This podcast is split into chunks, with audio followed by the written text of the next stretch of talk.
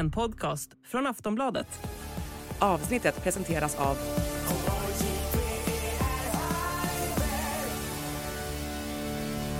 Stödlinjen.se, åldersgräns 18 år.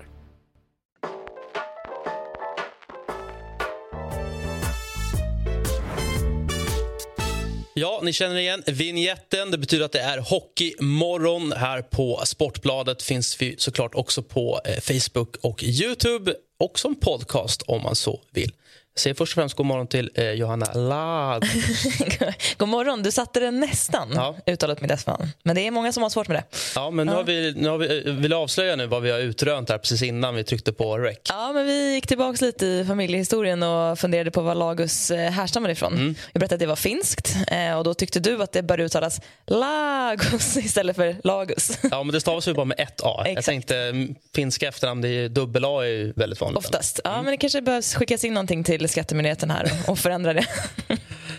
Välkommen tillbaka. Tack. Hoppas du mår bra. Mm. Eh, och eh, Stort välkommen till dig, Joakim Nettelblat. Eh, det, finns ett, eh, det finns en tävling ibland där man, eh, som heter Karriären. Man får se bara klubbar och sen ska man gissa vem spelaren är. Mm. Jag ser din, eh, din karriär här. Nybro, Hammarby, Mariestad, Troja, Odense Bulldogs. Hur många hade satt Joakim Nettelblatt på det, tror du? Uff, den, är, den är inte lätt. Är den inte. Jag, det är väl de närmsta vännerna, tror jag. Ja. It. Familj och vänner. Du, den är inte så unik menar du? Jag skulle säga att den är jätteunik. Den är unik. Ja. Jag menar, bara de närmsta som känner mig hade satt den. Ja, just det. Hur Ja. många år fick du ihop i, i Hockeyallsvenskan? tror jag är eh, sju eller åtta säsonger. Ja. Eh, Du la ner karriären 2016. Vad gör du idag? Idag jobbar jag med försäljning för eh, Eleiko, ett svenskt företag som är tillverkare av träningsutrustning. Så jag hjälper gym och föreningar att eh, ja, men upprätta träningsytor. Härligt. Du ska vara med oss, det är vi glada över, eh, hela timmen. Vi ska prata gårdagens SHL. Nycklarna för att lyckas också i Hockeyallsvenskan som underdog. Man får väl ändå säga att du har spelat i klubbar som No offense, halva. men som har varit underdogs. och du ska även få eh, lista också. Det är ju alltid en trevlig uppgift. Eh, vi noterar från gårdagens arenor att vi hade flera svenska landslagströjor på läktaren. En manifestation kan vi väl kalla det för eh, med tanke på eh, det hemska som hände i Bryssel tidigare i veckan. Eh, och även på eh, kommentatorsposition. Men min kollega, då, TV4-kommentatorn Patrik Westberg som kommenterade M- Växjö-Modo i en eh, Tre Kronor-tröja. det märks ju att det här har ju berört liksom, hela supporter-Sverige, inte bara inom fotbollen.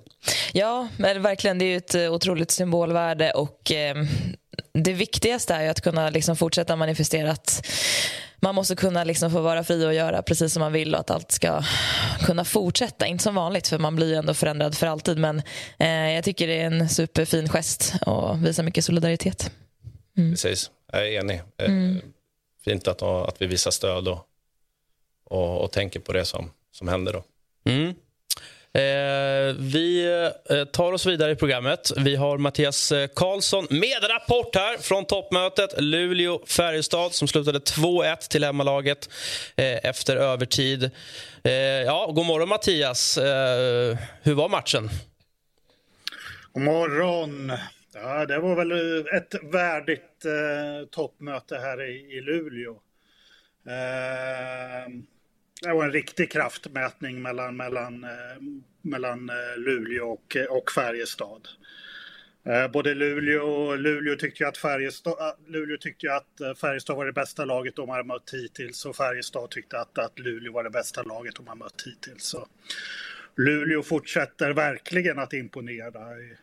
Trots att man har åkt på några förluster så har man ju varit eh, det bättre laget i, alla matcher man har spelat hittills. Mm, och verkligen fått ihop eh, defensiven också. Vi sa väl det i, i förra programmet att de senaste tio matcherna så hade Luleå i nio av de matcherna inte släppt mer än två puckar. Ja, man är ju sällan orolig för, för defensiven och, och målvakterna i Luleå. Men, eh, så, så att det som im- imponerar allra mest det, det är ju offensiven tycker jag. Det, den har man fått till och eh, har ju varit en av de bättre offensiva, lagen i, i ligan när det gäller att, att skapa chanser. Och, Vi eh, kan väl lyssna till en av de som ska sköta offensiven då just i eh, Luleå, det vill säga eh, Linus Omark. Seger i toppmötet mot, mot Färjestad. Hur, hur summerar du själv den här matchen? Jag tycker vi är två bra perioder och sen tar de över i sista. Och, eh, vi får vara nöjda att vi vinner på straffar och får två poäng. Men, eh, Sveriges är bästa lag vi mött hittills så det är eh, bra att få vinna. Um, nu fick du möta Färjestad igen för, för första gången sen, sen match sju här då hemma för 2022. Va? kändes det något speciellt att, att det var Färjestad igen eller? Nej, det var lite extra taggad sådär men kanske för övertaggad men eh, ja. Nu, skönt att få vinna i alla fall. Du var övertaggad i alla fall. Ja, men det, det var klart. Eh, som ni säger, det var ju tråkigt slut förra gången så roligare att vinna. Uh, det, vi upplevde det lite grinigt där ute på, på, på isen. Hur, hur var det själv där ute? Hey, nej men det, det är det väl varje match men eh, alla, något, något domslut, något, de klagar på något domslut vi klagar på, det blir lite gnälligt. Så, men eh, generellt sett så var det en lugn match tycker jag. Var det någon situation där, med, med, där Laxonen blev utvisad på i en, en situation med, med Patrik Lund som, som, eh, som skapade lite upprörda känslor både på läktarna och i ert bås. Hur, hur ser du på den situationen? Jag ska väl inte uttala mig om den situationen. Jag såg den bara på jumbotronen och det var väl... Ja.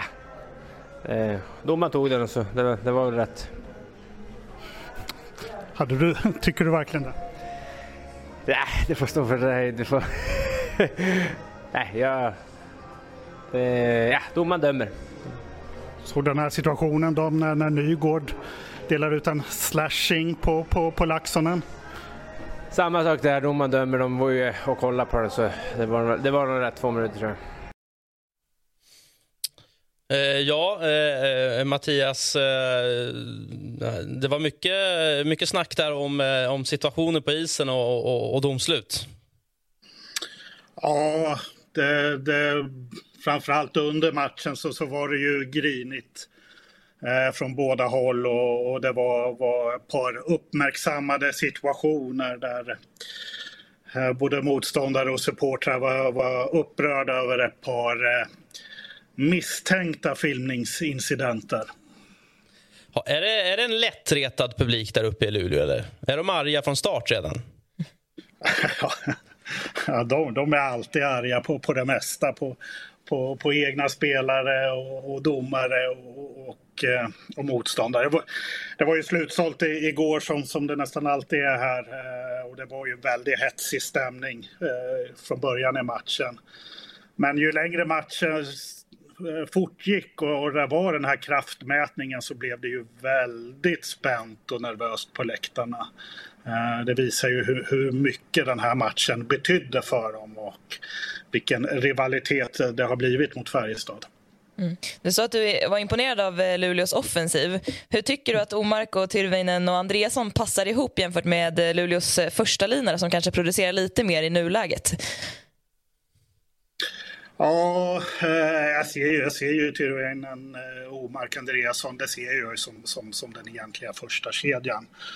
Eh, och jag tycker att de, de, de, de, är helt fantastiska i spelet. Det, det, det, är ett eh, rejält tryck mot motståndarna hela tiden de är inne på isen och de skapar ju massor med öppna chanser i varenda match utan att få dit pucken då. Eh, men jag är inte ett dugg orolig, det, det kommer. Och sen eh, andra kedjan då, eller om, om de stod upp som, som, som eller om de var uppsatta som för, första kedjan igår, det är väl då med Pasic och eh, eh Pasic, Kempe och Shinnimin. Eh, mm. Och eh, alltså Luleå har ju fyra välkomponerade kedjor.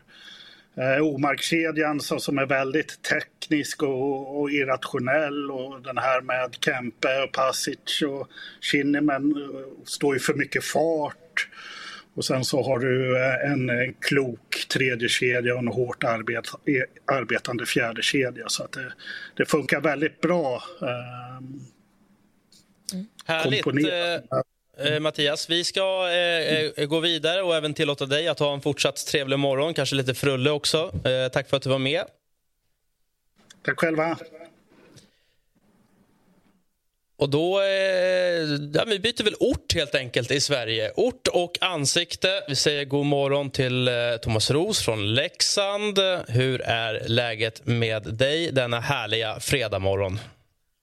Det är fantastiskt. Eh, vi har lite, lite, lite puder ute på marken och vintern är i antågande. Eh, och jag är glad att jag har vaknat upp och jag har glömt hockeymatchen igår. Jätteskönt, för det var en av de sämsta hockeymatcher jag sett eh, i mina sidor faktiskt. Det, är, det är imponerande och hårda ord. Eh, och Du har ju sett ungefär 16 000 matcher. Du placerar den här långt ja. ner alltså? Ja, den var jättedålig. Det var två lag som saknade självförtroende. Uh, jag vet inte om någon av er såg uh, liksom någonting från matchen. Johanna kanske gjorde det. Men det var, ja. det var så mycket felpass och det var så mycket icing och det var så mycket offside. Mm. Jag tror nästan var dolda kameran ett tag som utspelade sig. ja. Joakim, du zappade bort den fort, Johanna? eller?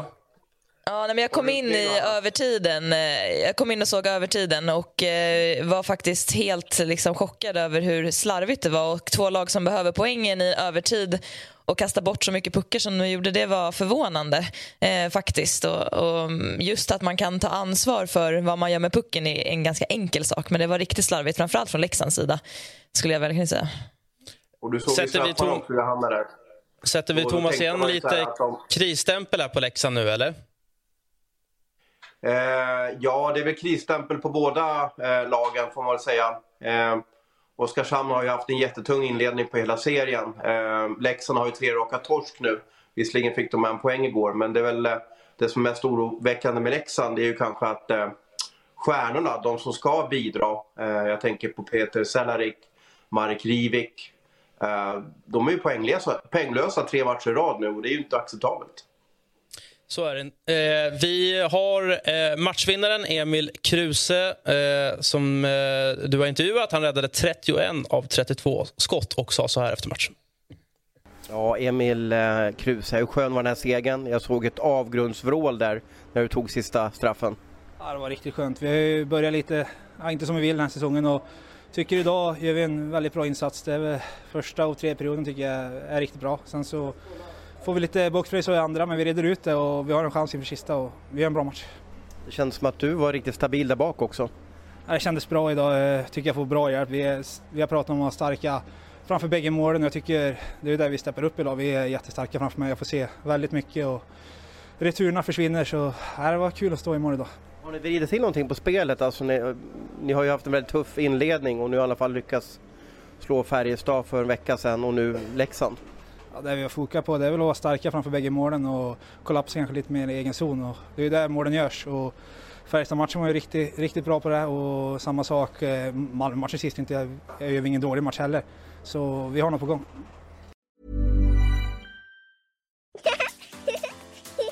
Too tired to clean your floors after playtime? Forgot to vacuum before your friends bring their little ones over? Let Eufy X10 Pro Omni help. Powerful 8000 PA suction removes debris, and MopMaster dual mop pads scrub away stubborn stains with ease. Save time and keep your floors cleaner. Want to know more? Go to eufy.com, that's EUFY.com, and discover X10 Pro Omni, the best in class all in one robot vacuum for only $799. Ja, Ros, vi undrar ändå lite här. Vart är Leksand och eh, Oskarshamn på väg någonstans den här säsongen? Eh, båda lagen kommer ju vara i, i botten av, av serien. Eh, båda lagen har en jätteresa att göra för att, för att slippa kval. Eh, just nu ser det ut som att Leksand, Oskarshamn, kanske HV71 kommer göra upp om de här eh, två platserna i, i den här negativa finalen. Eh, Leksand har ju en del eh, skador, eh, avstängning på Anton Lindholm. Eh, vi får se när Klås, eh, Keito kommer tillbaka om det blir lite förändring i laget. Eh, Oskarshamn försöker ju, de har ju misslyckats med lite värvningar. Eh, och det var ju jätteviktigt för Kruse då, som han som var intervjuad precis, att han fick gå in och liksom få en seger den här säsongen. För han har varit ganska hårt bespottad av supportrar att han inte håller som SHL-målvakt. Bra Thomas, vi ska gå vidare. Eh, igår kom ju nyheten att Timrås Albin Lundin som alltså krockade med en domare anstängdes av i tre matcher. Nu frias han helt av Riksidrottsnämnden. Eh, vad säger du Thomas, hur kan två instanser här ha så olika uppfattningar? Ja, det är ju för att om vi, om vi börjar med så är det alltså SHLs situationsrum som har eh, anmält Lundin. Eh, de tar domarnas säkerhet på kanske lite för stort allvar. Eh, det vill säga att om man råkar ta tag i en domare fast man inte ser alltså att den domaren står bakom dig så blir man anmäld. Eh, de gör allting för att skydda domarna. Jag förstår hur de tänker men det blir nästan absurt till slut.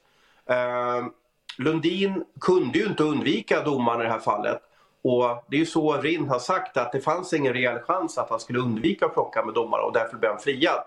Eh, det här gör ju att jag tror att framöver så kommer vi se många liknande överklagningar eh, på, på disciplinnämndens beslut. Men disciplinnämnden går ju till 99% liksom säkerhet eller träff, träffyta på vad situationsrummet har sagt. Så att det är egentligen situationsrummet som bestämmer om en spelare gjort någonting fult eller elakt mot en, mot en domare. Men det här innebär att vi kommer att få se fler överklagningar framöver. Och om det är roligt för hockeyn eller inte att det ska överklagas hela tiden, eh, ja det får vi se. Eh, vi kanske måste diskutera eh, vad en spelare får göra mot en domare och inte att göra och kanske inte ha den här oerhörda krockkudden runt domarna framöver. Vi kanske måste se över lite där att, att alltså, är det en olyckshändelse, ja men fria då. Skicka inte in en anmälan på en sån sak. Men det är väl inte så det ska funka, eller hur? Situationsrummet ska ju bara vara ögon och fånga upp situationer som är potentiellt eh, mål för avstängning och sen är det väl disciplinnämnden som ska göra bedömningen. Ja, fast disciplinnämnden har ju ett ramverk som, som SHL har satt ihop. Eh, och när situationsrummet anmäler så blir det ju, ja, till 99% som jag sa, träff så blir det ju en, en avstängning slut. Mm. Så det, de sitter lite i symbios med varandra. Eh, och det är helt rätt, det ska de egentligen inte göra men situationsrummet är väl skickliga på att formulera sig, skicka in rätt bilder och framställa Lundin i det här fallet som att han kan undvika en kollision. Eh, och det går ju alltid att diskutera all evighet om det går att undvika en kollision eller inte. Eh, jag tycker på helheten så blev det bra för att Lundin kan ju inte göra någonting. Han kan ju inte bara försvinna på isen. Så att Rinn har ju tagit bra beslut men det kan bli lite, lite småkaos nu i liksom, ja, de, här yt, eller, ja, de här händelserna med domarna som kanske spelarna inte riktigt kan... Liksom, ja, det är inte deras fel helt enkelt. Joakim, vad, vad, tyckte du om den situationen? Alltså dels att det ledde till tre matcher eh, och som, som gammal spelare, för den delen också du Johanna, alltså, hur ofta under matcher hamnar man i situationer när man liksom, domarna är i vägen? Det är ändå fyra domare. Alltså, mm. Jag tänker att det måste vara svårt att, att liksom inte ens vidröra dem. Ja.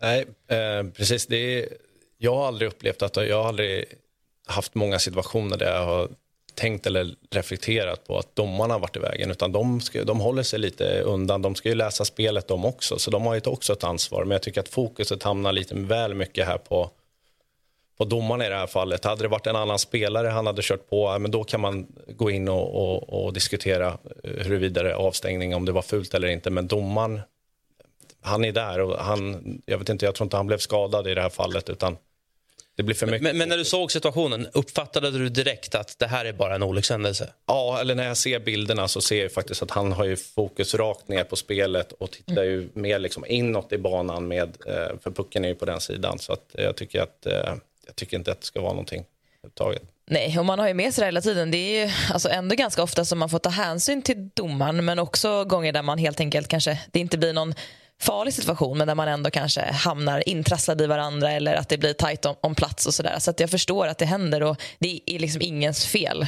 Alltså ofta, jag tror inte att någon spelare skulle göra det med flit för man vet också konsekvenserna utav det. Eh, och eh, många spelare, eller de allra flesta spelarna har ju respekt för domaren också och vet att det är en så viktig roll. Liksom, så att, ja, det är alldeles för hårt och man måste kunna nyansera sådana situationer istället för att ha det så svart och vitt. Ja, och, och i det här fallet, eh, Thomas, så han ju också Albin, eh, han fick ju sitta en match innan det överklagan ja. gick igenom. Ja, och hade jag varit Timrå-supporter och, och sådär så hade man ju funderat på hur, hur gick det här till? Varför fick han? Nu fick han en match avstängd, men han var oskyldig. Eh, jag tänkte bara liksom, eh, det har ju blivit en förändring i Hockeysverige. Vi har ju SHL bevakas ju av kanske 12 eller, eller upp till 16 eh, 4K-kameror, alltså med jättebra upplösning. Man kan se vinklar på allting. Eh, SDHL är inte där ännu, kanske inte Hockeyallsvenskan ännu. Men det här gör ju om du, om du tittar på alla vinklar från alla håll så kan du nästan med, med bilder på något sätt nästan bevisa, titta, han trycker ju till lite extra mot domaren där, det här var ju inte bra. Uh, och, så det här hade ju aldrig skett för kanske 10 år sedan eller 15 år sedan. Då hade han aldrig blivit anmäld för att det, ingen, det hade inte funnits några bra bilder på det hela att klippa och klistra med. Mm. Ja, det är intressant eh, hur också liksom tv-tekniken eh, eh, påverkar. Eh, vi ska gå vidare i programmet. Eh, stort tack, eh, Ros. En fortsatt trevlig morgon. Ut och njut av pudret. Först lite lövkrattning, sen blir det pulkaåkning. Ja, underbart. Toppen kombo. Ja. Vi tar oss vidare landet och med Sportbladets härliga reportrar. Eh, nu har vi eh, Abris med oss som har varit och sett Örebro mot HV71. Vad tyckte du om det, Abris? Ja, det var väl ingen av de eh, bättre matcherna man har sett rent kvalitetsmässigt. Eh, Det verkar vara temat för den här morgonen. Det är många som Ja, gnäller på så, kvaliteten. va? Ja, vi brukar gnälla på de här tisdagsomgångarna ibland som inte brukar hålla den högsta kvaliteten. Men nu, nu var det väl lite in i serielunken igen då kanske. Men eh, nej, det var väl spelet med puck lämnade väl en hel del övrigt att önska. Men ändå ett Örebro som eh, vinner klart och tydligt med 6-2. Eh, Är man ett lag nu för toppen, tycker du? Ja, alltså man, man ligger ju där av en anledning. Vi har ju en tabell av en anledning. Så att så här långt så har man ju varit där. Sen tycker jag väl att man inte riktigt kanske har den där spetsen som, eh, jag tjatar ju vidare om det, som de övriga topplagen har. Däremot har man ju ett väldigt eh, bra och strukturerat försvarsspel, ett bra grundspel. Man har väl lite grann det som kanske HV71 saknar. Mm. Eh, på tal om HV71, jag tycker vi ändå inleder med att lyssna på en rejält besviken André Petersson. André Petersson, dina tankar först om den här matchen? Ja, det är dåligt eh, överlag, mestadels. Eh, vi, st- stunder spelar vi bra hockey eh, och sen bara, bara så där, göra mål helt plötsligt från ingenstans. Eh, det känns jävligt snopet eh, men det är någonting vi måste reda ut och det är ju helst igår. Eh, försvarsspelet eh, är ju bedrövligt. Vad beror det på? Är det ett struktur, strukturellt problem eller känns det som att det är ett individuellt problem, individuell misstag? Nej, det är väl både och. Ja. Just spelet på borta is då, finns det någonting att ta på där varför det fungerar betydligt sämre på, på bortaplan än hemma? Nej, det är ju svårt att säga. Vi försöker träna likadant, ha samma uppladdning inför borta och hemmamatcher så det, det är svårt att sätta fingret på. Det riktas ju stenhård kritik här mot Thomas Montén, bland annat Simors experter då, tycker att han har snart har gjort sitt i HV71. Hur ser du på hans eh, framtid? Nej, jag tycker han, eh, han lägger upp planen till oss och, och vi försöker uträtta den. Eh, det har jag ingen kommentar till riktigt. Vi, eh, jag tycker han är, driver på bra och pushar på gruppen och får, får liksom oss att att luta oss framåt. Eh, men det är något som inte klickar. Ja, mycket besviken. Eh, går det att sätta fingret på mm, Abris här, vad som inte riktigt fungerar för Jönköpingsklubben? Ja, man släpper ju in för enkla mål. Det är väl det enkla. Och det är enkla mål eh, brukar ju hänga ihop med strukturen i försvarsspelet. Att det händer konstiga saker för de lagen som inte riktigt har den strukturen och där det, där det blir mål. Eh, jag var inne på det med Rögle tidigare med det här med bortaspelet. HV har sex raka bortaförluster. Det är också en sak som brukar hänga ihop med att man inte har den här riktiga tryggheten i spelet. Hemma när man får gå på flow, man har publiken med sig och, och sådär. Då, då kan man vinna matcher. Men eh, när man ska göra det på bortaplan och saknar den där riktiga strukturen och tryggheten och att alla gör det man kommer överens om, då, eh, då brukar det fallera. Tror du att, eh, nu kan inte han kanske svara så mycket mer om din fråga angående Montén, men han berättar om att han har en plan och de försöker utföra den. Samtidigt var studion på plats igår med Wikegård, Bibic och Rönnqvist ganska kritiska till Montén. De sa att han inte har vad som krävs för att leda ett lag av den här eh, karaktären. Tror du att han har förtroendet internt?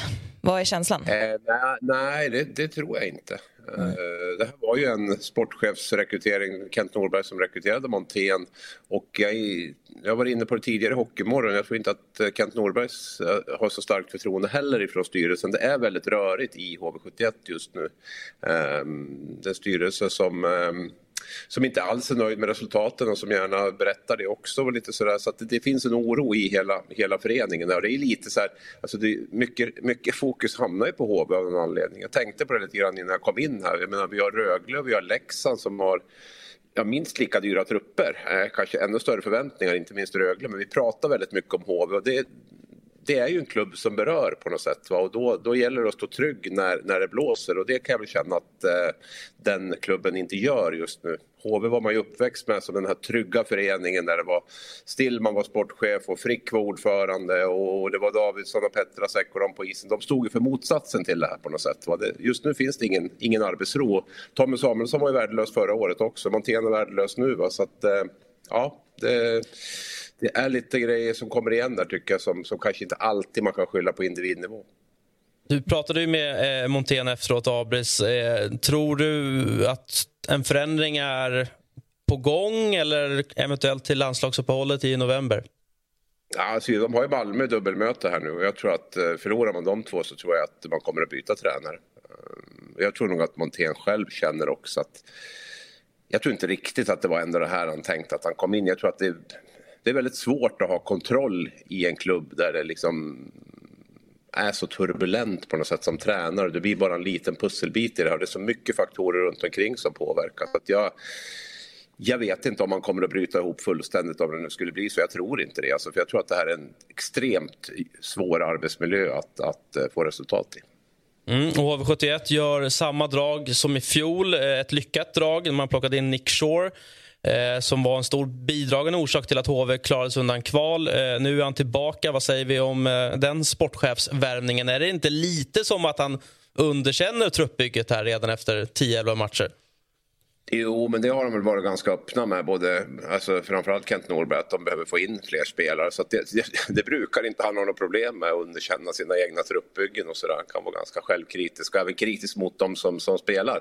Eh, så att nej, men det, så är det ju definitivt. Sen är det ju en spelare som jag gillade förra säsongen. Som jag tycker verkligen, det är svårt att komma in, eh, hitta de här förstärkningarna mitt i säsong som, som lyfter ett lag. Men jag tyckte han var precis det HV behövde då. Eh, därmed inte sagt att det måste vara en lika bra Nick Shore som kommer in nu. Det kan vara lite sådär att man... Eh, han får ju lite frälsarstämpel på sig här nu. Det är ju inte säkert att han kan leverera på, på samma nivå som han gjorde, gjorde förra säsongen. Men, men det är en gedigen hockeyspelare med en, en spetskompetens som gör att han kan vara en första center i, i eh, SHL. Mm. Eh, vi noterar också, Abis, att du var på plats i Gävle och såg toppmötet Brynäs-Djurgården.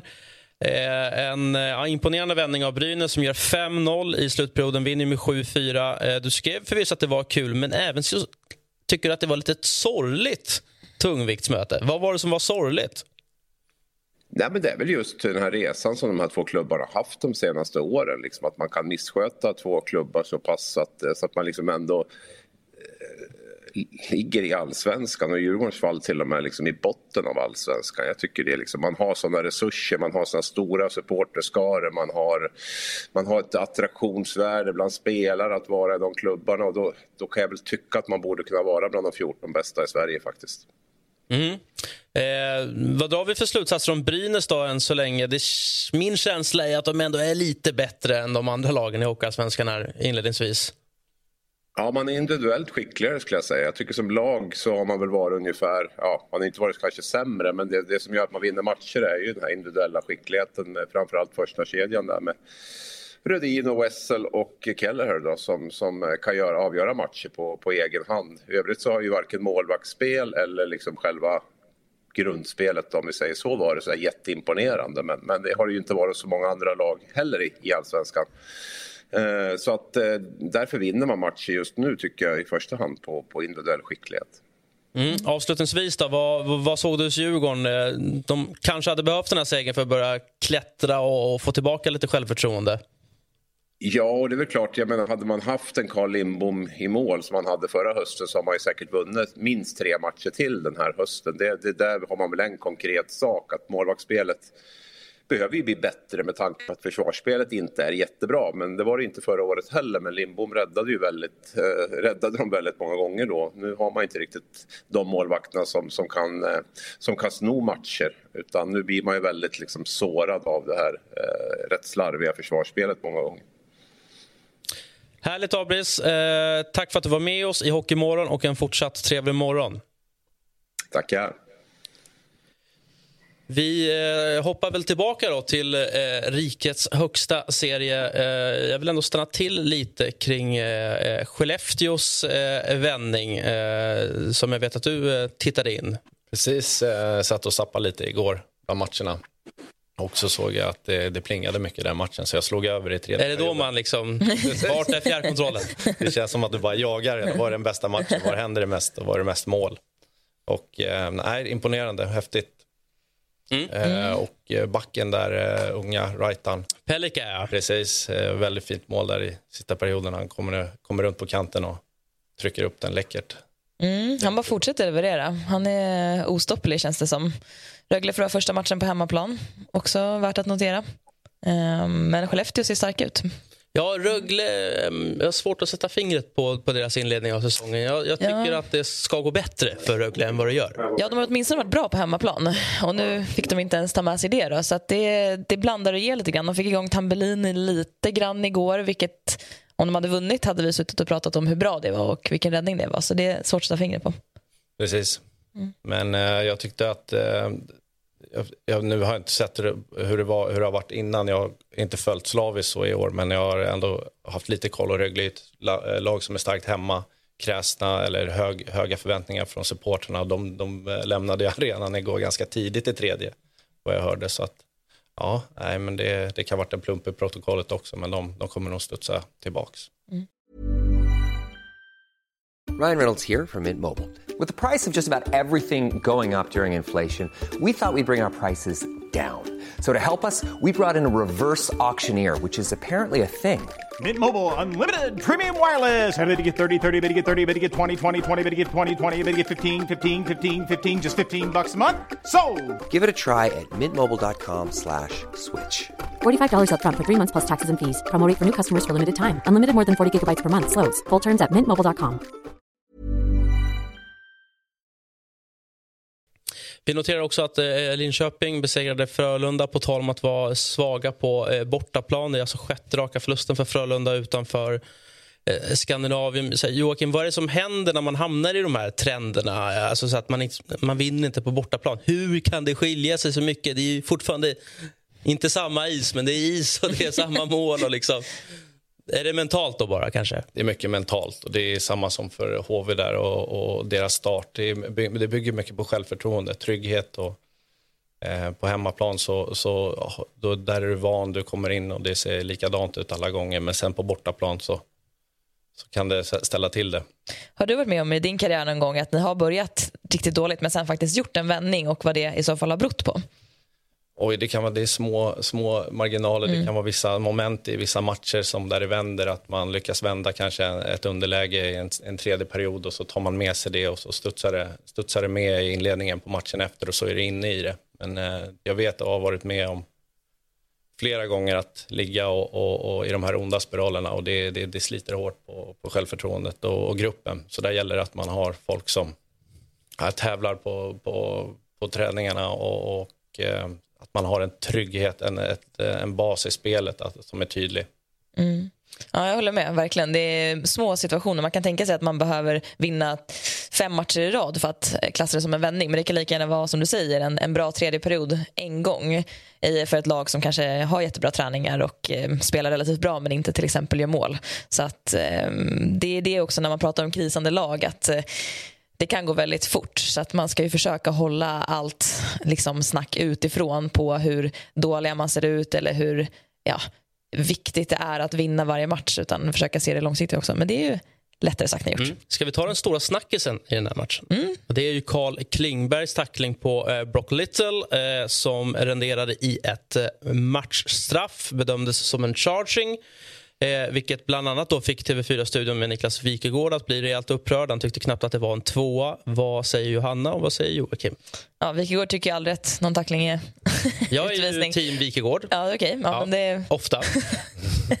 ja, jag ska inte säga vilket lag jag är på. Men ehm, den här tacklingen tycker jag faktiskt inte är en utvisning. Ehm, eventuellt kanske en tvåa i och med att den träffar i, i huvudet ganska illa. Men eh, Brook Little har ju ganska många sekunder på sig att faktiskt göra sig beredd på en tackling. Det är bara Klingberg som kommer mot Little. Ja, hur viktigt är det? Alltså, Ja, att det man har jätte- den tiden att förbereda sig för en tackling. Men tid är väl jätteviktigt, alltså för hockey går ju så fort så att det är klart att du behöver Ja, några men ska det vara med i bedömningen, tycker du? då? Ja, ja det tycker Ja. jag absolut. Ja, för det är en sak om du har liksom, om det händer från ingenstans, om det kommer från blindside, då har du oftast ingen tid på dig för att du har inte sett personen. Men du måste ju själv ta ansvar för situationen som du går in i och har du många tid eller liksom många sekunder på dig att tänka in i den här situationen då ska du ta med dig i beräkningen. Och han ser ju från början att Klingberg kommer. Det är ju först när han vänder upp och eh, prioriterar skottet som eh, han gör sig tacklingsbar på ett ganska sårbart sätt. Ja, nej, jag tycker han är tacklingsbar direkt när han får pucken och tar sig inåt mitten. Mm. Då tycker jag han har tid på sig att se vad som händer. Men han verkar som att han prioriterar att få iväg avslutet och tar egentligen inget ansvar alls mot vad som att Klingberg kommer där. För jag tycker, att det, jag tycker det inte är en utvisning. Jag är också team Wikegård där.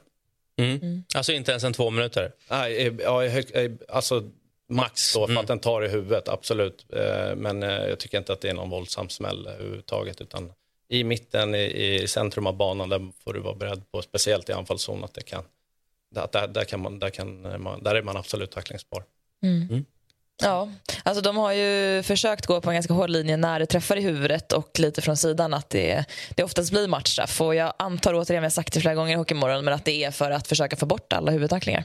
Så det är väl den, den enkla Och det har man förklaringen. stor respekt för Ja. med tanke på historiken inom hockeyn Mm. och eh, hjärnskakningar Mm. och så vidare så, så, så fattar man ju det också. Men det måste ju finnas, alltså i spelet Ja. måste det ju finnas tillfällen där man, som du är inne på Joakim, alltså man är tacklingsbar, Mm. framförallt i offensiv zon, man har tid på sig. Så det är ju också ett jättestort ansvar för den som ibland blir tacklad, vilket Ja. man ibland tycks glömma bort. Verkligen, det gör det jättesvårt för spelarna. Vi hade en situation i SDHL här nu också när vi har börjat tacklas i andra säsongen. Liksom, och man kan tycka att det är en, en superfin tackling men den kommer lite från sidan och eh, Hanna Olsson då, som tar emot den ser absolut inte vad som händer. Men i övrigt, det är ingenting som tar i huvudet utan det är bara liksom att man inte, man inte ser. Eh, och då, ja, då blir det olyckligt. Det är svårt. Vi tar en titt på tabellen. Vi konstaterar att det är Färjestad i topp strax före Skellefteå och Örebro som vi är imponerade av på en tredje plats.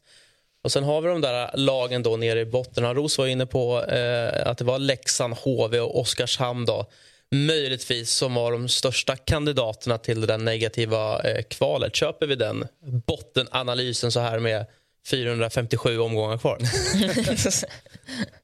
Men det är lätt att sitta och säga nu med tanke på hur det ser ut. Men eh, ja, Oskarshamn definitivt. HV, Rögle kommer inte vara där nere. Inte, jo, Leksand möjligtvis. Malmö också kanske även. Ja, men Malmö tycker jag ändå har imponerat. Ja, men jag håller med. Och, Att de spelar lite som att de vet att vi är eventuellt ett bottenlag. Jag gillar ju det. Ja, exakt. De har ju insett det, precis som vi var inne på kring Oskarshamn, att de behöver kanske ställa om sin, sin syn på sig själva lite grann. Och det är väl avgörande ofta hur man, hur man liksom kommer in i en match med eh, vad man har för, för eh, bild av sig själv. Men jag tycker Leksand, sett till vad de har på pappret jämfört med de andra lagen, alltså Rögle, HV och Oskarshamn, då, bör vara högre upp. Och kan de få igång sina toppspelare, då tror jag att de kommer vara det. Så jag tror inte att de är så eh, liksom förhandstippade eh, i botten som kanske Abris ville få det till. Eh, Vi har ju pratat om tacklingar. Eh, eh, sorry för den passningen, Joakim, men det blir en naturlig övergång till den tacklingen som gav dig 11 matchers avstängning 2014 va, i, i Hockeyallsvenskan. Hur var det? Det var ju väldigt omskrivet. Hur mådde du under den perioden att vara avstängd så länge? Det är preskriberat, allting. Är det, ja, jo, men det är nio år sedan. Ja, okej, ja. Mm. Mm, Men nej, men det, precis här har vi eh, artikeln där. Nej, men det blev väldigt omskrivet, absolut. Och det var en eh, olycklig situation som, som jag ångrar, men som eh, hände väldigt fort och som jag upplevde den då på isen är inte kanske exakt så jag upplever den när jag ser den på bild. Då blir det tydligt att det är ett övertramp. Så det är inget alls jag är stolt för eller över. Men eh, det hände och eh, det var mitt i en brinnande kvalserie tidigt i den. Eh, fick en lång avstängning fick betala det priset då. Mm. Jag, jag vet att du skickade ett sms till, till spelaren du tacklade, Marcus Gunnarsson. Eh, Fick du något svar? Nej, utan, eh, men eh, absolut, jag ville kolla hur det var med han och, och, och be om ursäkt eh, och så. Men eh, jag vet inte, han, han var nog lite omtumlad också ett par eh, dagar där och någon vecka. Så han, eh, det kanske inte var hans högsta prio att svara. Nej. Eh, och hur, hur mår man då när man liksom själv är förövaren i det här fallet? Eh, och hur var reaktionerna från, från folk? Fick du ta emot hat och hot och så vidare? Nej, men, ja, men det kommer ju absolut. Eh, dels från eh, fans och, och, och eh, spelare. Deras sportchef var även inblandad i det här. Och, nej, men det är tufft. Och du får ju, jag hade bra lagkamrater och den sportchefen jag hade då, Jerry Andersson, så, som skyddade och, och ville att jag skulle fokusera på, på spelet och lära mig av det här. Då. Mm.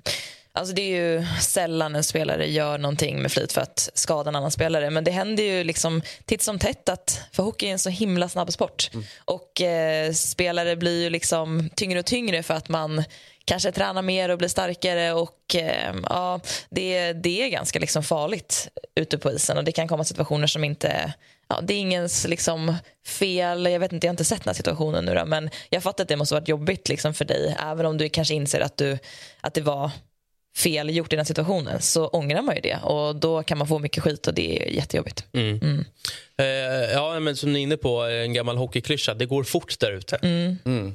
Och jag kan tänka mig, när ni som är gamla spelare, just att alltså, betänketiden är väl inte alltid jättelång. Nej, utan det handlar ju på instinkt. Det här är en situation som, eh, där vår spelare har pucken i, i, eh, i offensiv zon, tar sig runt målet och skapar en situation där. Då vill jag ta mig in där och försäkra mig om att Kommer en lös puck här så kommer jag vara först på den. Mm. Och då är det en spelare som kommer. Jag vet inte om han har sett mig innan eller inte, men jag sätter ju upp axeln. Och eh, den tar illa och det är från fallet i isen som, som han far illa. Mm. Eh, vi eh, konstaterar också att du har spelat så mycket i, i Hockeyallsvenskan. Vad, vad är det som gör den här serien så speciell, tycker du? Speciell? Alltså det är en språngbräda. Jag hade alltid siktet på att spela i högsta ligan i SHL och eh, här är man precis snäppet under och kämpar på, på, inte samma villkor, men du, är på, du lägger ner lika mycket tid. Det är... hur, alltså, hur känner man som spelare? Alltså, är, är det liksom gapet till SHL? Är det, liksom, oh, det är liksom där uppe på Mount Everest-toppen eller känner man hela tiden att man är rätt nära?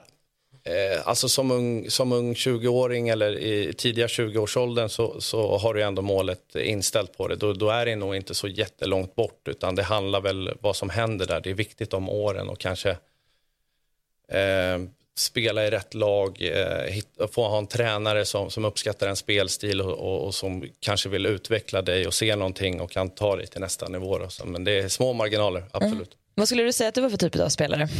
Jag var en fysisk eh, spelare och det var jag inte från början i junior, eh, pojk och juniortiden. Då, var jag ganska, då hade jag lite, ganska mycket skicklighet och, och spela på det sättet. Men sen kom ju det fysiska spelet i, i junioråldern och i slutet av pojkåren. Och, eh, sen fick jag egentligen den rollen tidigt att, att eh, jag var ganska, ganska stor fysiskt och, och anammade, fick anamma det helt enkelt och anpassa mig och tyckte, tycker det är kul också med, med, med fysisk hockey. Och du har ju spelat i många av de här hallarna alltså, som är då tuffa bortamatcher. Eh, alltså nästan om man skulle göra typ en topp fyra lista på jobbiga bortamatcher så har ju du varit där. Då med, alltså Tingsryd, Nybro, Västervik, Troja. Mm. Nobelhallen. Ja, precis. Alltså, det är ju lag som eh, ja, men vårt gäng inte älskar att åka ner och möta AIK. Eh, Djurgården för den delen också. Eh, och, och Brynäs nu såg vi åkte på pisk mot Nybro. Att, det är något speciellt med de där mindre kalla hallarna och att man kanske kan dra fördel av det då när man ändå spelar i den typen av lag och ort. Precis, alltså det är ju vårt hem och, och, det kan vara lite obekvämt att komma till ett kanske kallt eh, omklädningsrum efter en lång resa och så kommer man in i, i en hall där det ja, är lite publik, det är lite hockeykultur i de här städerna och, och nej, det, och så kanske lite underskattning eh, från det liksom vinnad eller, se, eller de som är förväntade att vinna då, topplagen mm. eller, eller så. Så det blir ju, det är inte alltid lätt. Du säger kallt omklädningsrum, skruvar man ner liksom värmen lite med Någon innan med, med skiftnyckeln och slår lite ja, på eh, röret. eh, inte, där jag spel, inte där jag har spelat som hemmalag, mm. men jag, rykten har gått att i gamla Lakerdom så var, där var det alltid riktigt kallt ja. att komma in. Men då var vi också rivaler, Troja och Växjö. Så där var det alltid lite obekvämt att komma in faktiskt och byta om och, och byta strumporna där på ett iskallt golv. Mm. Hade du anbud från, eh, från andra lag? Eh, under tiden under min karriär? Absolut, jag hade olika vägval eh, under resan. Mm, härligt. Eh, vi ska prata mer med dig Joakim, du ska få lista. Det ska du få göra lite senare i programmet. Eh, nu tar vi oss till eh, Steven Lee. Tjena, tjena. Eh, ja, nu är ju alla intressanta hockeyligor igång. Eh, NHL har ju också kickat igång. Så eh, idag kör vi en eh, kombo med spel från Hockeyallsvenskan och NHL. Så jag såg eh, Moras senaste match mot Kalmar.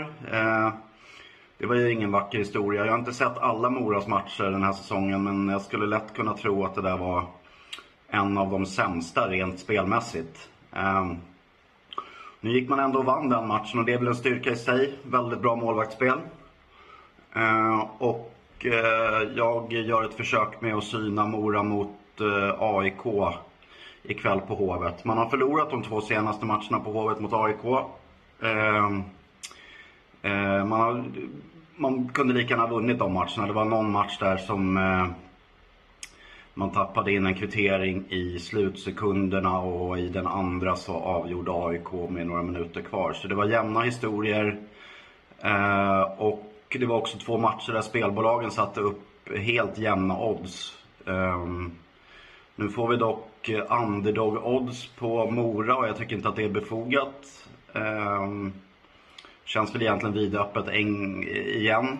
Eh, och Eh, AIK har spelat in 5 poäng på hemmaplan så här långt och Mora har spelat in 6 poäng på bortaplan så även där är det fördel Mora. Ehm, ja, som sagt, jag tycker inte att det ska vara någon större skillnad i oddsen jämfört med senaste säsongerna. Så, eh, jag kör 2,07 på Mora med förlängning. Och sen borta i NHL så har jag sett båda Islanders första matcher. Ehm, inte varit några direkt sprakande insatser men väldigt stabilt. Och jag skulle väl kunna tro att nu när man har fått några matcher innanför västen så kanske man släpper lite på handbromsen. Eh, och jag skulle inte alls bli förvånad om det smattrar igång ordentligt ikväll. Man har, jag tror man har gjort 16 mål mot eh, Devils i de tre senaste matcherna. Och eh, New Jersey har väl eh, inte sett så här superstabilt ut i början. Även fast man har haft ganska tacksamma matcher så har man släppt till mycket chanser. Eh, och den kombas ihop med det som egentligen är det största överoddset idag tycker jag. Det är eh, försvarsspelaren Noah Dobson i Islanders som är alltså i särklass den bästa spelaren de har rent offensivt bland backarna. Han har gjort 100 poäng på de två senaste säsongerna och det eh, blir då ett galet överodds när vi nu får 2,26 på att han ska notera poäng ikväll. Så det blir alltså mina spel idag. Eh, Islanders över 3,5 mål Noah Dobson poäng och att Mora vinner mot AIK inklusive eventuell förlängning. Tack för det, eh, Steven. Vi ska gå vidare i Hockeymorgon. Vi ska koppla upp oss mot eh, Västerås där vi förhoppningsvis har sportchefen, ja det har vi ju, ser vi, sportchef Niklas Johansson. Eh, välkommen, eh, god morgon. Eh, vi är Hockeymorgon Niklas, vi ringer nästan bara upp sportchefer som har vunnit mycket och då tänkte vi nu ringer vi till Västerås för det är ju tre raka segrar i Hockeyallsvenskan. Hur ser du på starten och hur mår du? Nej men jag mår eh, alldeles utmärkt. Jag tycker det känns eh, jäkligt bra så här långt så att, eh, det, det är bara att kriga vidare. Mycket mål eh, gör ni också framåt. Eh, om du kan utveckla lite mer över er säsongsinledning. Vad är du mest nöjd med och finns det någonting som du vill se ska bli bättre? Ja, det är ganska mycket som kan, kan bli bättre så här i början på säsongen men jag tycker ändå att vi börjar sätta strukturen på ett bättre sätt än vi gjorde de första matcherna. Så att, eh, jag tycker vi har någonting bra på gång. Jag tycker killarna eh, har anammat spelsystemet och vad vi vill göra där ute. Så att, eh, det är bara att jobba vidare. Du fick beröm av eh, eh Mats Wennerholm i Sportbladet eh, som tycker att du har gjort årets fynd i Karl Jakobsson som gjorde 2 plus 1 här senast. Du värvade ju hem eh, honom från den finska ligan. Vad säger du om, om Jakobssons inledning här? Nej, men den är ju fantastiskt bra. Han hade knappt sovit någonting där in första matchen där han kom direkt från Finland. Men vi vet ju att han har kapacitet. Han gjorde det väldigt bra i Färjestad och kanske inte fick en så framskjuten roll i, i en producerande situation. Men, men nu eh, tror jag vi kan ge honom lite större roll och han kan få blomma lite grann mer offensivt än vad han har gjort tidigare. Eh, jag kommer från Leksand och jag är väldigt nyfiken på att höra eh, alla dina ord och tankar om Örjan Lindmark eh, som ny assisterande tränare. Ja, men han är en underbar människa. Han är väldigt härlig att ha i, i laget och runt killarna. Han bryr sig om alla, lugn och sansad och kan tillmötesgå alla på ett bra sätt. Liksom, så de har lätt att ty sig till honom. Mm. Och det är det som var tanken med, med värvningen, liksom, att det var den rollen han skulle ha? Ja, men det är det. Och eh, han blir ett bra komplement till Karl också när Karl är lite mer kanske strukturerad och lite mera, vad ska man säga, han hörs mer och kan ta tag i taktpinnen på ett annat sätt. Låter som en beskrivning av bad cop, good cop. Ja, ungefär så är det faktiskt om man ska vara ärlig. Du, om vi ska ge dig ännu mer beröm så får vi ta ett annat nyförvärv, eh, Konstantin Komarek, eh, som har gjort 12 poäng på åtta matcher. Vad säger du om Konstantin? Nej, men han har ju motsvarat förväntningarna kan man säga. Han eh, kom ju in här som en eh, viktig pjäs både på isen och utanför isen. Han är en fantastisk människa. Han har verkligen kommit in och visat att han vill eh, vinna med Västerås. Och han är otroligt ödmjuk inför uppgiften och bryr sig om alla, hjälper tränarna på ett bra sätt och förankrar spelsystem och, och hur de vill ha det. Så att han, han är jätteviktig för oss på alla plan skulle jag vilja säga. Och Det märks att det är stort hockeyintresse i stan, i Västerås. Eh, ni har ju fått hjälp av fansen med kapital till en riktig spetsvärvning. Eh, totalt samlades 1,5 miljoner kronor in. Och in då kom också eh, Trevor... Eh, är det Mingoya man säger, eller? Jajamän, Mingoya, eller vi kallar han Mingo. Att, eh... Trevor Mingo är bättre. Trevor Mingo. Berätta varför ni vill ha honom och initiativet kring den här insamlingen är man ju väldigt spänd på. Nej, men vi hade ganska kort eh, trupp från början, medvetet för att vi skulle kunna spela in lite juniorer också. Men det håller inte i längden när vi åker på skador. Och, eh, både Karl och Mingoya fanns det ingen möjlighet för oss att ta i början på säsongen. Och vi har letat lite grann efter en eh, right-skytt. Och fördelen med Mingoya är att han har varit i Europa hela tiden. Han har varit i Sverige, han vet vad det, är, vad det handlar om. Och, eh, vi hade lite tur egentligen att det inte funkade för honom i Kerpet nu när han kom dit. Så det passade perfekt för oss att kunna ta in honom. Vad, hur mycket tyngd ger det i en värvning just att när man får in en sån där spetsvärvning att han har varit i landet tidigare? Ja, men oerhört mycket, speciellt den här tiden på säsongen. Då vill man inte gärna plocka någon eh, som inte känner till ligan eller kommer direkt ifrån Nordamerika utan de, de, behöver lite mer tid på sig att akklimatisera sig så att det är inte optimalt att ta någon uh, direkt hit nu från Nordamerika. Vi har sett att han landat i, i Västerås. Uh, är han spelklar? Inte än, men vi hoppas att han ska vara klar till onsdag nästa vecka. Härligt. Eh, vi noterar ju också en lång karriär som sportchef, många år i SHL, i Örebro nyligen innan du vände tillbaka till Västerås. Eh, hur har det varit att komma tillbaka och eh, hur känns det att utmana om eh, uppflyttning redan den här säsongen? Jag tycker det känns jäkligt inspirerande. Det var inspirerande att vara i Örebro också och bygga upp Örebro på det sättet som de kan de jobba vidare och har gjort det väldigt bra i år också. Men när Per och Niklas ringde mig från Västerås så vart jag otroligt taggad på den här uppgiften och de har eh, bättre förutsättningar nu ekonomiskt och det är ett jäkla sug runt hockeyn så att eh, det känns eh, jätteroligt och vi ska försöka ro det här i land. Om det inte blir i år så blir det snart i alla fall, det känner jag. Ja, om det inte blir i år, vad, eh, vilka är de främsta utmanarna som du ser det? Nej, men det är ju de ni alla har pratat om tidigare. Det är Björklöven och Brynäs och Djurgården skulle jag vilja säga först och främst. Men eh, jag tror att vi kan eh, vara med och störa dem definitivt. Eh, och Västerås, det går ju bra i Västerås, alltså även för fotbollen. VSK är ju på väg upp från superettan. Hur, hur ser liksom intresset i stan ut för hockeyn? Och blir det, blir det liksom någon konkurrens här nu mellan, mellan VIK och, och VSK? Nej, men det är ett jäkla sug på sport skulle jag vilja säga och det, blir, det är positivt att eh, alla lag i, i de olika sporterna går bra för att det blir ett intresse på live-idrott och det är det som är det viktiga. Utan då, då vill folk gå och titta live och det, det, det märker man av att det blir ett bra tryck. Liksom. Alla vill gå ut och komma till arenorna. Vi avslutar Niklas med dina tankar om eh, kvällens match mot eh, Tingsryd. Vad tror du? Nej, men det är en match som jag förväntar mig att vi ska vinna. Bara vi liksom förbereder oss på rätt sätt och är otroligt ödmjuka och går ut och gör det vi ska göra där ute. Det, det våra, vi själva är våra största motståndare skulle jag säga. Men jag, jag har bra förhoppning om att det ska gå bra ikväll. Härligt eh, Niklas eh, och eh, stort eh, lycka till med resten av säsongen och tack för att du var med.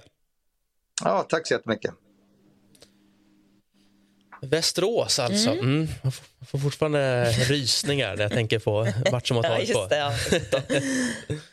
Du, nu ska vi se. Nu eh, har vi i, i Niklas kvar där bild. Vi ska faktiskt eh, avsluta, eller börja närma oss avslutningen av programmet. För vi säger eh, mycket eh, varmt välkommen till dagens sista gäst. Det är ju eh, Perra Johansson. Eh, god morgon, eh, Perra. Eh, jag hoppas du mår bra. Hur mår du?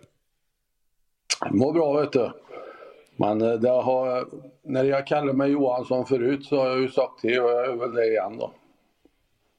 Eh, vi noterade att du berättade i Värmlands Folkblad att du drabbades av prostatacancer för drygt ett år sedan. Du har genomgått operation, du är friskförklarad. Eh, du uppmanar alla att, som är kallade att gå och testa sig. Kan du berätta lite mer om det och hur, hur var det liksom att få det här hemska beskedet?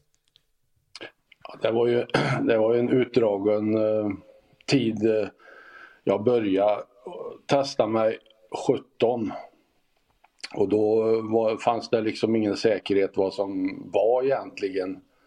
Utan jag gick under test fram till december 21 och då fick jag brev och blev inkallad till lasarettet och träffa ett läkarteam. Då fick jag besked. Mm. Att, eh, och jag, jag förstår att du måste ha blivit rädd. Fick du snabb hjälp och hur reagerade familjen?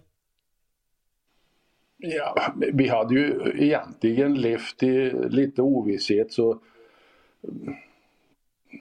det är klart att det känns så men, men samtidigt så har jag haft samtal med de här under fyra år och, och har ni kontroll på grejerna så är jag lugn.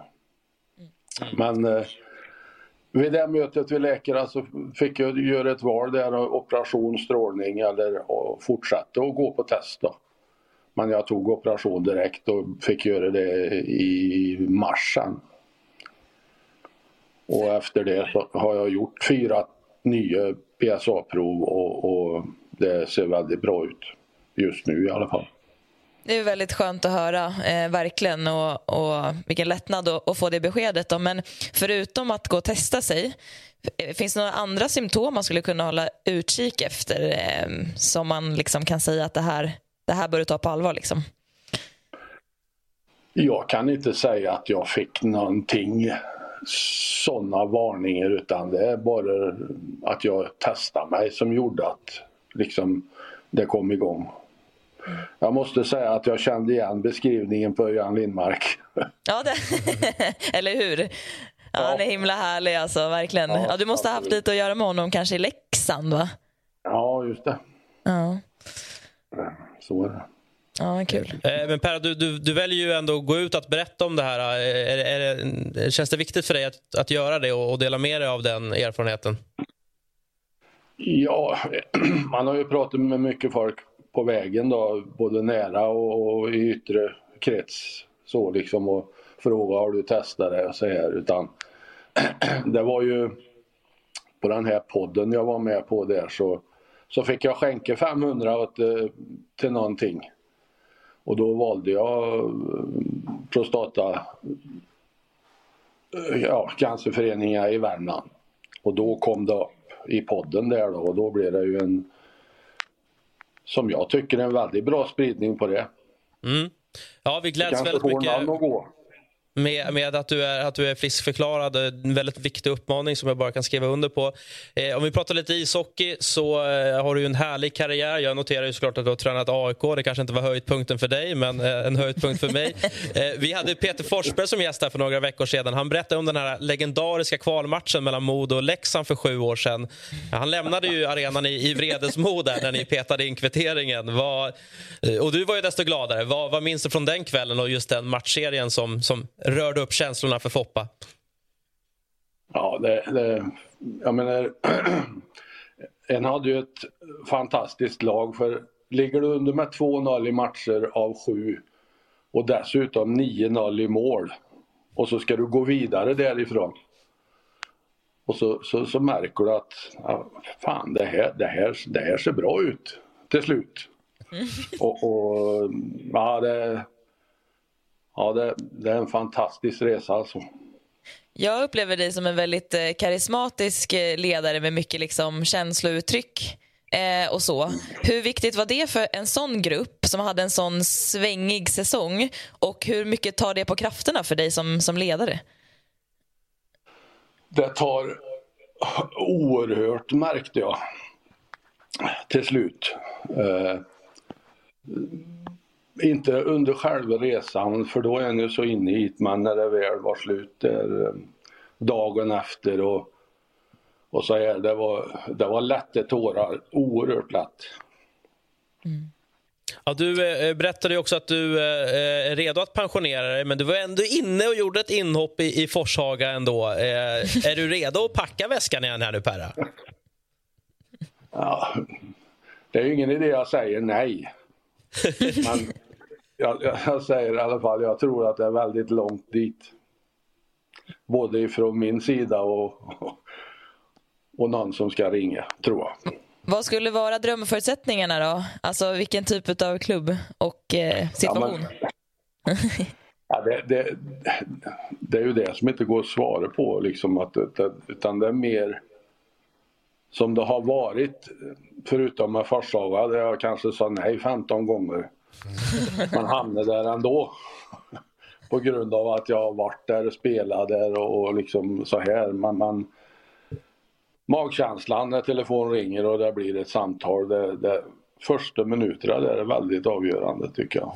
För jag, jag följer ju ishockeyn och ser och, och analyserar och ja. Hela tiden. Dörren är öppen hör jag ändå. Mm. Dörren är öppen. Underbart, Ja. eh, eh, Perra. Eh, hoppas få prata mer med dig kanske lite senare framöver eh, och prata lite mer om eh, din karriär och SHL. Och, eh, stort tack för att du var med och eh, mycket härligt att höra att du mår bra. Ja, härligt att Tack så mycket. Mm. Ta vara på det. Det säger vi. Hej då. Detsamma Perra. Eh, lista var det, skulle vi avsluta med. Precis. Är du redo eller? Det är en eh, tung mantel att axla här. Simon brukar ju vara här och lista. Du, vi har gett i uppdrag att lista seriens eh, bästa defensiva backar och då eh, håller vi oss till, till SHL va? Precis. Och eh, jag fick ja, alternativt bästa tacklare. Men jag har nog hittat en bra hybridlista här. Mm. Att, Toppen, femte toppen. plats. Ja, femte plats, Pudas. Eh, han har inte den största storleken kanske, men jag tycker att han eh, går in hårt och, och eh, liksom räds inte att gå in först i, i situationerna. Sen är han riktigt bra på skridskorna också, så han är alltid där och han kan alltid vara nära motståndarna. Ska vi gå på nästa? Det tycker jag. Christian Folin i Frölunda. Här har vi också en som inte... Ingen här på listan är någon som eh, inte sticker in eh, näsan, utan alla går in först i situationerna. Så det är han jag har där. Och sen är det Erik Gustafsson i Luleå. Eh, också bra på skridskorna, lite mer eh, spelskicklig kanske än, än Folin. Eh, mer kanske som Pudas då, men en gigant där ute. Jag tycker också han går in eh, rejält. Vad ska man ha med då i, alltså i kriterierna för att vara en av de bästa defensiva backarna? Är det bara det fysiska spelet? Mm, nej, mycket spelförståelse skulle jag säga. Absolut, Ja. skridskoåkning Mm. eh, och, och kunna läsa. Och, men att ligga nära skulle jag säga, Mm. eh, det, det är en förutsättning. Men sen eh, extra bonus också om man kan eh, vinna då, eh, man-man situationerna Mm. med fysiskt. Då. Och täcka slagskott med facet? Absolut, om, Mm. det, om det är det som krävs. Eh, vi har Petter Granberg på andra plats. Ja, också, också en, stor, en stor gigant, eh, rejäl och hård. jäklar, han var lång. Den böjer sig också fram. Ja, men där är en renodlad egentligen eh, defensiv back skulle jag säga. Eh, riktigt ankare där bak. Eh, uppskattar hans spelstil. Men hur många... Alltså man, man tar sig till rinkarna ute i Sverige och så kollar man på, på kidsen. Eh, alltså så här, inom fotbollen, alla, alla vill ju bli liksom Messi eller Ronaldinho. Det är ju ingen som säger att jag vill bli liksom Nej. nya Micke Lustig högerback. jag tänker bland barnen, så här, vill man, vill man så här, bli en bra, jag vill bli en bra defensiv back. Alltså, vi som är defensiva backar, det är väl vår enda dröm att Mm. få bli den typen av förebild, men det händer ju så sällan. Men lite ouppskattad position ändå. Jag Precis. vill säga att den är viktig. Ja, precis. Ja. Nej, det blev tilldelat. Vi var sämst på skridskorna när vi var barn. Eh, så, Nej, det- Nej, den sämsta hamnar ju i mål. Det är ju, det är ju den äldsta regeln. Eh, etta på listan, Anton Lindholm, Leksand. Varför är han etta på listan? Eh, för, för, för han är väldigt allround och han tycker jag är, eh, han står för allt som jag uppskattar i en, en duktig hockeyback. Alltså riktigt bra på skridskorna, följsam, eh, bra spelsinne och kliver ju stenhårt in i varje duell. Så att han tycker jag är överlägsen.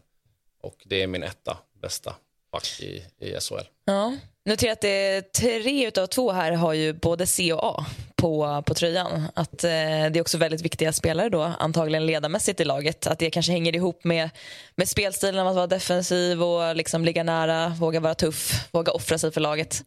Eh, så det är en intressant notering jag gjorde. Absolut, Mm. det är pådrivare. Jag kan eh, garantera att det är de, här, de här killarna driver på det på träningen också Mm. och eh, markerar och, och ligger på för att lyfta övriga spelare. Bra lista. Ska vi avsluta med en glad nyhet eh, från över pölen? Jag älskar att säga över pölen. Eh, Atlanten alltså. Leo Karlsson, eh, 18-åringen, har fått en drömstart på NHL-karriären. Han gjorde mål direkt i debuten med Anaheim nu på morgonen mot Dallas. va?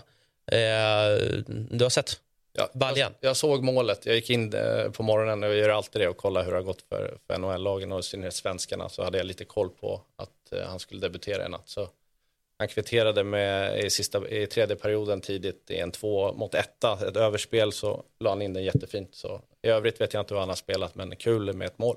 Var du som mig också på 90-talet att favoritsidan på text-tv var Svensktoppen poängligan? Nej, det är det inte. Det men idag är det det Mm. på appen. Ja, på Absolut. appen. Ja, den är underbar. Ja, men den är så old school, så ser man liksom topp 10 svenskar. eh, Och så, man, man blir så glad när man såg att någon har gjort 3-4 poäng. Men vad är grejen med att ladda ner text-tv-appen? Alltså istället för att gå in på typ nhl.com. Men vissa saker är bara heliga. Ah, Ja. Vilket nummer var det på text-tv då? Ja, men vad kan det ha varit? Så här, 3, 6, 3 kanske? Eller något sånt där? Typ. Ja, där är krokarna. Ja, där är krokarna. Mm. Fattar. Ja, jag kanske får ge det ett eh, försök. Precis, kan du smyga. Precis. Exakt. Men Leo Karlsson då, lite kort. Vad är det våran nästa stora superstjärna? Svårt. Jag, jag, jag har inte följt honom supernära så, men jag vet att han var riktigt bra här i Örebro och var, fick vara med i landslaget. Eh, Ja, det, jag- av det jag har sett så tycker jag han ser, han ser riktigt Mm. är komplett ut och nu tyckte jag såg att han hade bra klipp i steget här den här två mot ettan så jag tror att han har fått igång fötterna också på ett bra sätt så det kan vara absolut. Förutsättningar finns. Eh, vi ska runda av. Eh, tack eh, Joakim. Tack eh, eh, Johanna. Ja, tack så mycket. Eh, vi ses snart igen hoppas jag. Eh, och eh, såklart att vi ser och hör till er också som har eh, lyssnat. Eh, ska vi ta kommande matcher? Ja, det kan vi väl göra. Ja. Eh, vi rundar av med det istället. Eh, vad plockar ni ut här? Du, eh, du får ju sappa väldigt mycket här eh, 18.00. Men nu utmanar dig Joakim. Inget, inget sappande. Nu, välj en match här nu. 15.15 och 18.00 så håller du till den bara. Örebro-Linköping, Färjestad-Frölunda. Ja, Färjestad-Frölunda är ju en klassiker. Ja, jag kör också Färjestad-Frölunda. Eh, det känns som ett givet eh, kort. Vill se Frölunda hantera det och lite slutspelskänsla förhoppningsvis. De, de, de kallar inte det här för något derby nu hoppas jag. Nej, för sjutton. Nej, det för var ju någon som mycket- hade det på sin derbylista. Ja, det vet Men det går någon motorväg emellan och bla bla bla. Samma stad är det som Ja. gäller. Så, nu rundar vi av. Tack för att ni har tittat och för den delen lyssnat. Vi eh, hörs och ses igen på tisdag.